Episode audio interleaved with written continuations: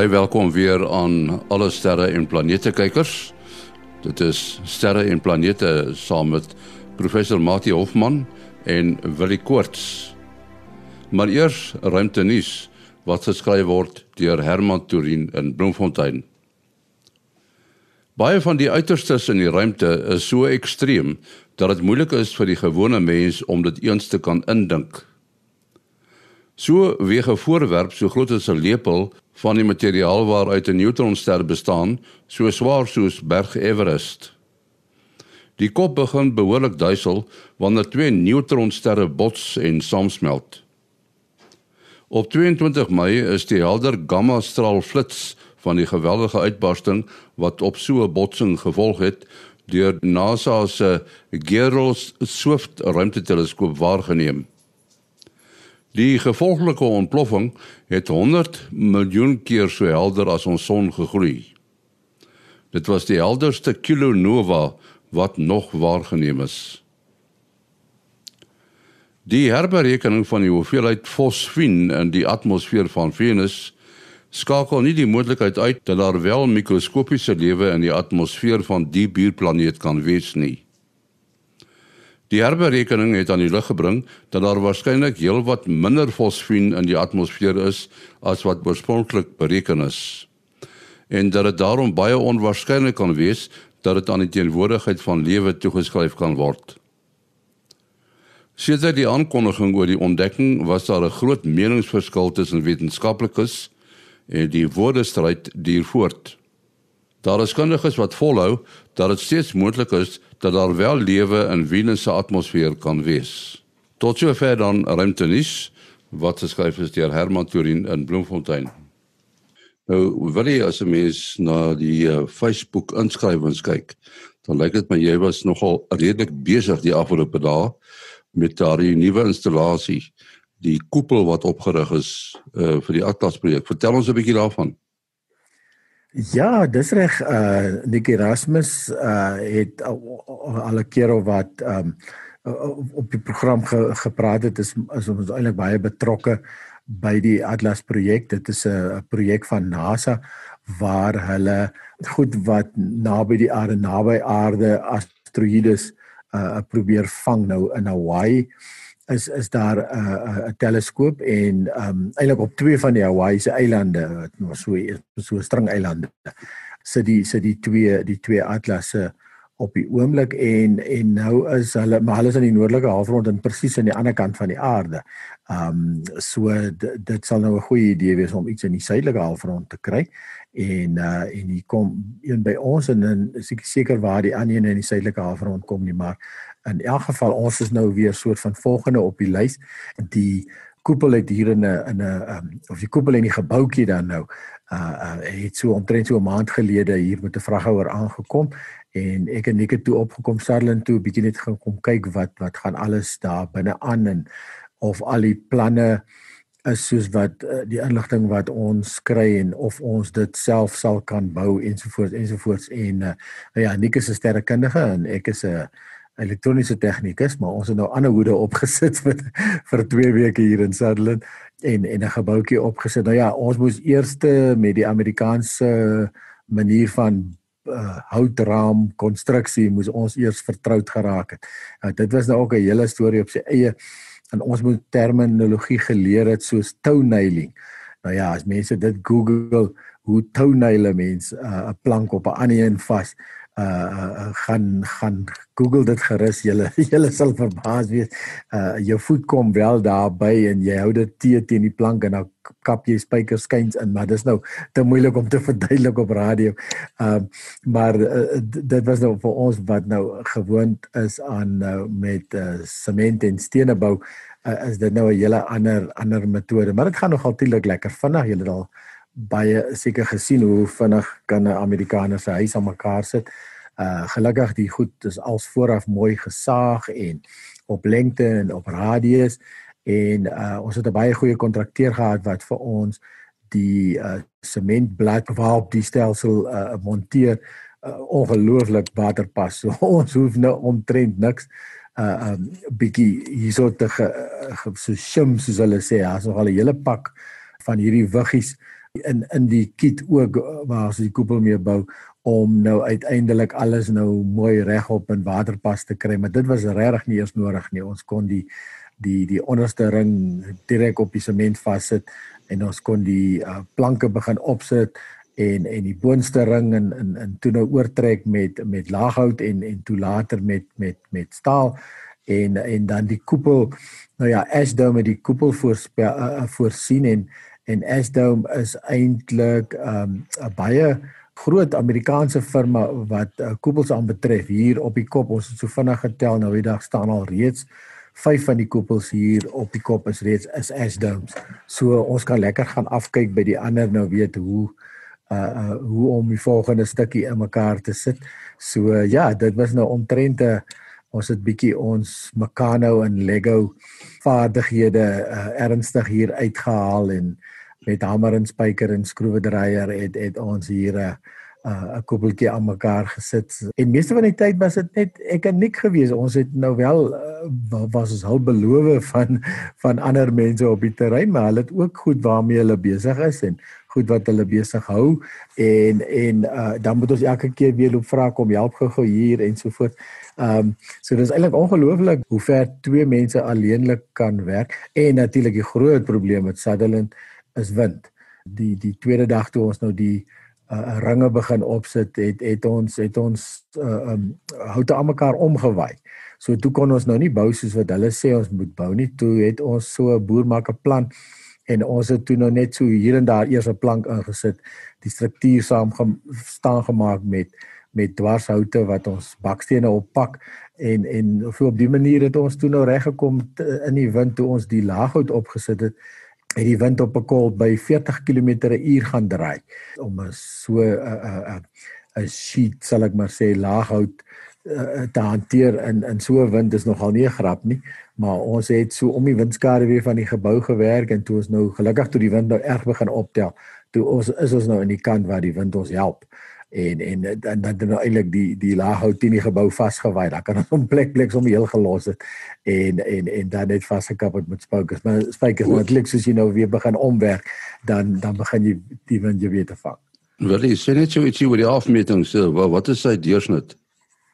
Ja, so die ehm um, die die koepel self, hulle hulle meet dit mos nou eintlik in voet, maar die koepel is, is net so onder die 5 meter in deursnee en ehm um, dis dan natuurlik ook die uh die deursnee van die gebouetjie en die mure so 2.5 meter hoog. So dit is nogal nogal hoë mure en dan kry jy nou 'n vloer tussenin en dan die teleskoop uh, self staan op 'n pilaar uh, wat so ehm um, seker so 1. 6 uh, meter hoog is en dan daarvan af is daar nog 'n staalkonstruksie waar waarop hy ook staan. Die teleskoop self is nie baie groot nie, as ek dit reg het, is dit so in die omgewing van ehm um, 20 duim in die ou taal, so 'n half meter en dan uh, kan jy natuurlik redelike dowwe asteroïdes waarneem wat uh, en natuurlik waaraan hulle belangstel is wat wat moontlik die aarde kan tref. Die die uh, koepeldeel, die die ronde deel bo, uh, loop hy op op laars of hoe werk dit? Ja, 'n uh, vreeslike eenvoudige stelsel wat ehm uh, wat Asdome hierso het en uh dit is ook bedoel om om nie vir ewig te hou nie of wat ek stel like dit so stel eerder dit dit is ook dit is eintlik bedoel om om dan gedienste word met, ter tyd vreeslike eenvoudige stelsel uh um, so sulke klein wielietjies wat op 'n assie loop en dan die assie skuif dan ook in in in so in so 'n plaatjie met 'n gaatjie in. Uh alles sommer net gedrukte metaal. Dis net ongelooflik hoe hoe eenvoudig die goed is eintlik gebou is.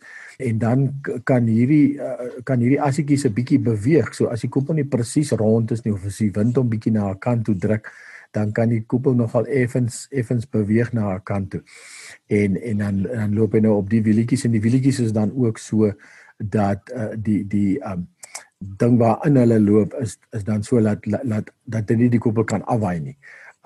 So hy die wielietjies is eintlik nou dan vas vasgevang daar tussen die die twee en dan die rad uh is 'n ongelooflike eenvoudige stelsel. Dit is iets soos 'n 2 mm stal wat gebuig is en dan sy sulke gate ingepons uh, sulke vierkantige gate en die gate is nogal groot, so 'n sentimeter by sentimeter omtrent. En uh, en dan is dit net so 'n groot ou rat wat wat deur dit werk. So uh, eintlik ongelooflik eenvoudig en uh, natuurlik soos wat ons uit die koepel bou stoot ons hom nou met die hand heen en weer en en hy draai ongelooflik lekker glad op op die op die rollers. Uh, wil net toe jy nou uh, verwys daarna die die betonbasis of of vloer wat so mooi uh, gelyk en waterpas af uh, uh, afgewerk is. Uh toe gryp ek gou hierdie pragtige boek uh South Africa's Giant Eye wat oor die konstruksie van SALT, the South African Large Telescope geskrywe is. Ja. En daar is so 'n mooi foto van ingenieur Marianne de Kok op daardie betonbasis waarop die SALT teleskoop op sy ligkussing moet dryf. En uh, as ek nou reg onthou van wat ek gelees het, was dit op die vlak van 'n uh, breektel van 'n millimeter wat dit presies gelyk moet wees want dit moet ons nou deur op 'n ligkussing van uh 'n bietjie hoor as atmosferiese druk wat daai hele groot teleskoop moet oplig. Ek weet nie of jy uh meer weet van daai konstruksie en wat hom so besonder maak nie. Sjoe, ek ek kan jou heel aan besig hou met daai stories agter daai. Watter watter kleur is is, is die muur op daai stadium waar Marianne op sit? Wel, dit is so blink grys hierso. Sy blink eh, grys. Uh, okay, goed. So dit is dan al die tweede ene. So die eerste kontrakteur wat ja, soos jy sê, die uh spesifikasie was omtrent 20 meter deursnee muur. Um en die spesifikasie was plus en min half meter millimeter. So jou jou gemiddelde, jou gemiddelde bouer bou nou nie so glad nie. En die eerste kontrakteur het 'n baie oulike plan gemaak en het wat ons nou in Engels noem self-leveling epoxy. So as jy dan 'n 'n epoxy vat uh, gebruik wat lank vat om om te set uh en jy gooi net die epoxy onder gekontroleerde toestande uit, dan sal die epoxy self uh met die gravitasie van die aarde soos soos 'n dam water sal dan reguit loop. En en dit is dan ook die tegniek wat die eerste kontrakteur gebruik het en en hulle het nogal baie na aan die spesifikasie gekom behalwe dat die temperatuur spesifikasie van die epoxy was toe nou nie heeltemal wat dit moes wees nie. En gelukkig het die koepel een winter deurgestaan met die sonder dat die die dak op op was. So dis net die mure en dan toe was die uh, uh hierdie uh, muur waar op die teleskoop staan uh het toe het deur 'n winter gegaan en toe het die epoxy begin kraak en toe het het hulle moes hulle toe ongelukkig die muur opbreek en en toe vir 'n tweede probeerslag en dit is dan die grys afwerking wat jy vandag daar sien. Um en wat die mense gedoen het is nou moeilik op radio maar as mens net so 'n breë trekke, hulle het in die middel waar die teleskoop omroteer het hulle 'n spesiale laser meetinstrument wat binne 0.1 van 'n millimeter kan meet. Ehm um, so die die stok wat die ou altyd vashou wat die opmeting wat die wat die opmeter help uh het het 'n streepies kode en en dit gee dan vir jou hierdie punt 1 mm. Toe hulle alkante van die muur het hulle toe 'n stainless steel strippie gesit wat hulle dan opgestel het binne punt 1 van 'n millimeter. So nou het jy uh, twee parallelle en perfekte waterpas randjies kan jy maar sê. Toe hulle nou net sement in ingegooi in die middel. Okay, spesiale sement die was ook verskillende lae, maar dis nou te tegnies vir wat ons wil sê, maar dan het hulle hom eintlik net met 'n groot skraper geskraap. Uh en die twee stainless steel strippies weerskante gebruik as as soos hulle hom tot op daai geskraap het, dan is alles binne in uh is dan waterpas. Nou intussen het die muur nogal 'n bietjie begin opbreek. Um want soos jy sê dit is dit is soos 'n skeurtuig halwe krag effek waarop eh, hierdie 90 ton uh, van die teleskoop dan beweeg word en en dan dan begin jy uh, in Engels praat ons van cavitation die lug wat dan uitvloei onder hierdie skeurtuig se se se ringetjie se se se rubberring veroorsaak dat die um, sement begin begin wegvreet en intussen het hulle dit die oppervlak nou vervang met met 'n stainless steel plate. So die teleskoop is op die oomblik be beweeg dan nou op stainless steel plate in plaas van die oorspronklike sement, maar die oorspronklike basis uh, uh waterpas uh, word nou nog steeds gebruik. Maatie, ons het 'n brief gekry van Pieter de Villiers. Hy is van Nina Park hier in Pretoria. Hy sê hy het in die boek Ontsluier die heelal van JE van Sail uh gelees dat daar 'n waterstof wolk ontdek is wat ons onderstelsel nader en oor so wat 2000 jaar hier sal aankom. Nou hy sê die skrywer bly nie feeslik uit daarop nie, maar hy wil toe weet of dit dan ook die einde van ons lewe op aarde beteken.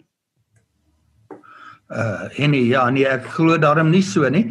Uh ek het nou nie van Saul se boek byderhand gehad nie, maar ek het nou so 'n uh, bietjie gaan lees en ek vermoed die uh struktuur wat ek hieroor gelees het uh is dieselfde as wat van Saul na verwys het. Daardie boek is nou al 'n hele paar jaar terug geskryf. En hier verwys hulle na die local interstellar cloud wat dan 'n gebied is waar in die waterstofdigtheid uh so 10 maal hoër is as in die sogenaamde lokale borrel uh van laer digtheid. Nou die lokale borrel ehm um, of bubble in Engels het 'n digtheid van ongeveer 0,05 atome per kubieke sentimeter. Nou dit is geweldig laag. Uh ons kan nou ons maklik voorstel hoe lyk 'n kubieke sentimeter? Ons stel nou maar net daardie sentimeter eenheid op liniaal, 'n lengte en breedte en hoogte voor.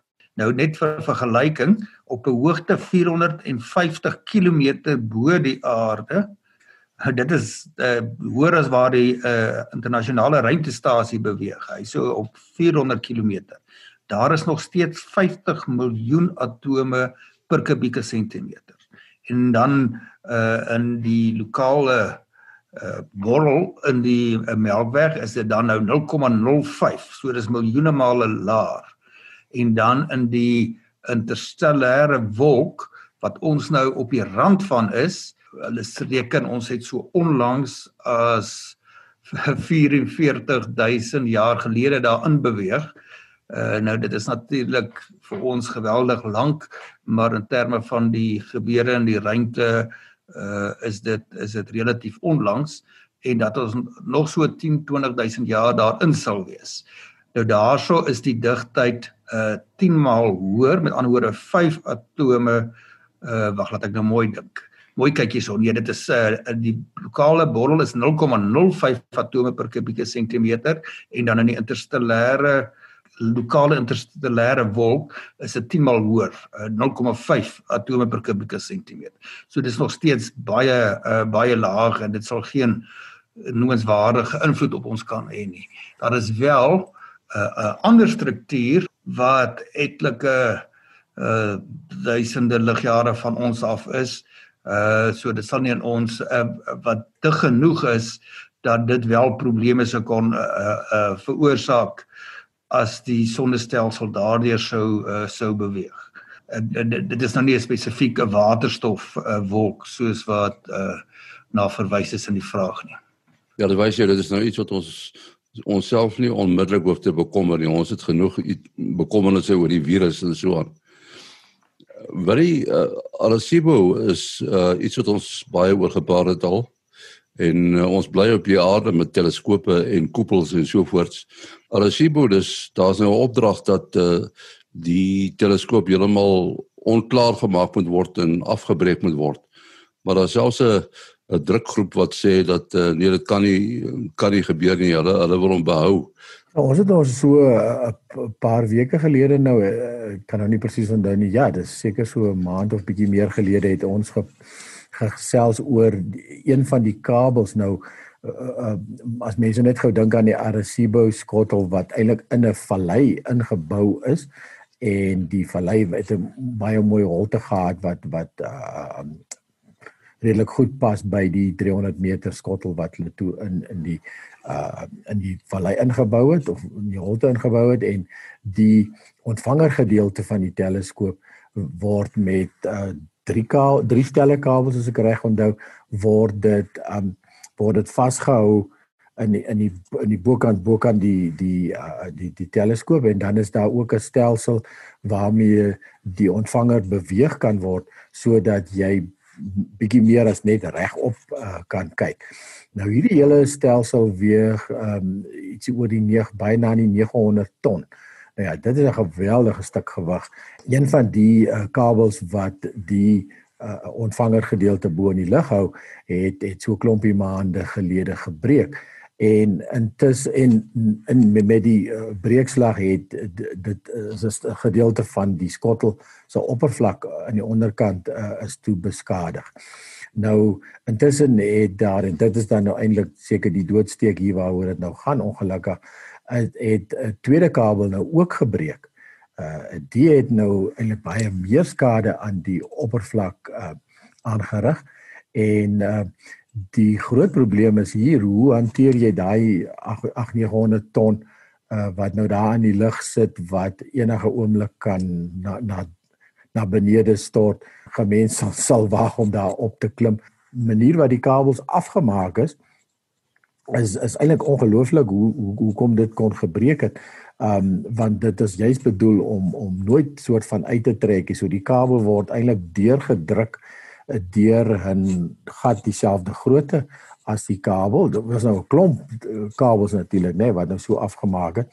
En dan rafel hulle die kabel uit en dan ehm um, met gesmelte materiaal, metaal word hierdie prop dan nou wat nou uitgerafel is word dan nou geset. Uh so die kans dat hy nou deur hierdie gat kan trek is is baie na onmoontlik. Maar dit het nou ongelukkig twee keer gebeur. Nou ja, die die die skottel self het natuurlik al heelwat um storms en en tifone en die goeders weerstaan. En die skottel is baie na aan die 70 aan 60 jaar, ek dink is 57 jaar oud al. Natuurlik ongelooflike uh, wetenskap is al gedoen met met die met die skottel en uh, dit kan selfs radar uh, uitstuur en hulle uh, kon allerlei goeters meet in die buiteste ruimte so en was nog in in volle swang gewees so uh, die, die uh, mense kan verstaan dat daar natuurlik nou uh drukgroepe is wat sê maar maar kan ons nie regtig hier hierdie uh, skottel dalk weer red nie. Ja, so in die, in die een kant is dit nou makliker om net te sê goed um, en dis 'n dis 'n makliker besluit. Dis eintlik nou dit gaan eintlik 'n tegniese nagmerrie wees om om hierdie om hierdie stelsel weer ehm um, weer in werk wel om om eerstens die stelsel wat daar in die lug hang te beveilig en en dan tweedens uh, om tot op die grond te laat sak en dan natuurlik die kabels weer te vervang ensovoorts. So dit is dit is nogal 'n 'n moeilike besluit en en mense moet maar moet sien waar dit gaan, maar dit is eintlik 'n groot jammerte dat um so 'n uh, legendariese en 'n uh, werkesel teleskoop 'n uh, radioteleskoop nou in die geval tot so tot sy einde gaan kom, ja. Ja, buitendien ja, het China nou 'n groter een, né? Nee.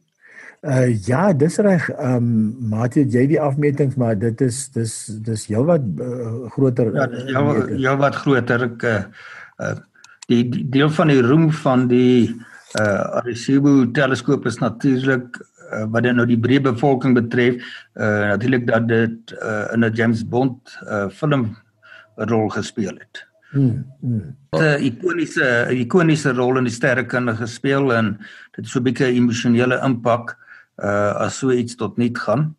Uh maar die ehm um, die koste om dit te herstel en te beveilig moet opgeweeg word wat jy nou met dieselfde gel geld sou kon doen met nuwer tegnologie. Die groot vraag is natuurlik uh hoe verskil iets soos die SKA uh van iets soos die Arecibo en die Chinese teleskope. Hulle is albei radioteleskope. Maar ek dink dit moet ons laat vir 'n volgende program. Wat is jou besonderhede? Ja, mense kan bel WhatsApp, SMS 072 4579208.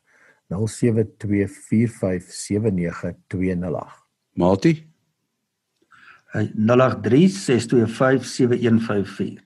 0836257154. En dan die program se e-posadres is sterreplanete@gmail.com. Sterreplanete by gmail as mense toe wil hê.com. Tot volgende week alles van die beste en onthou volgende week is Jim Adams weer saam met ons.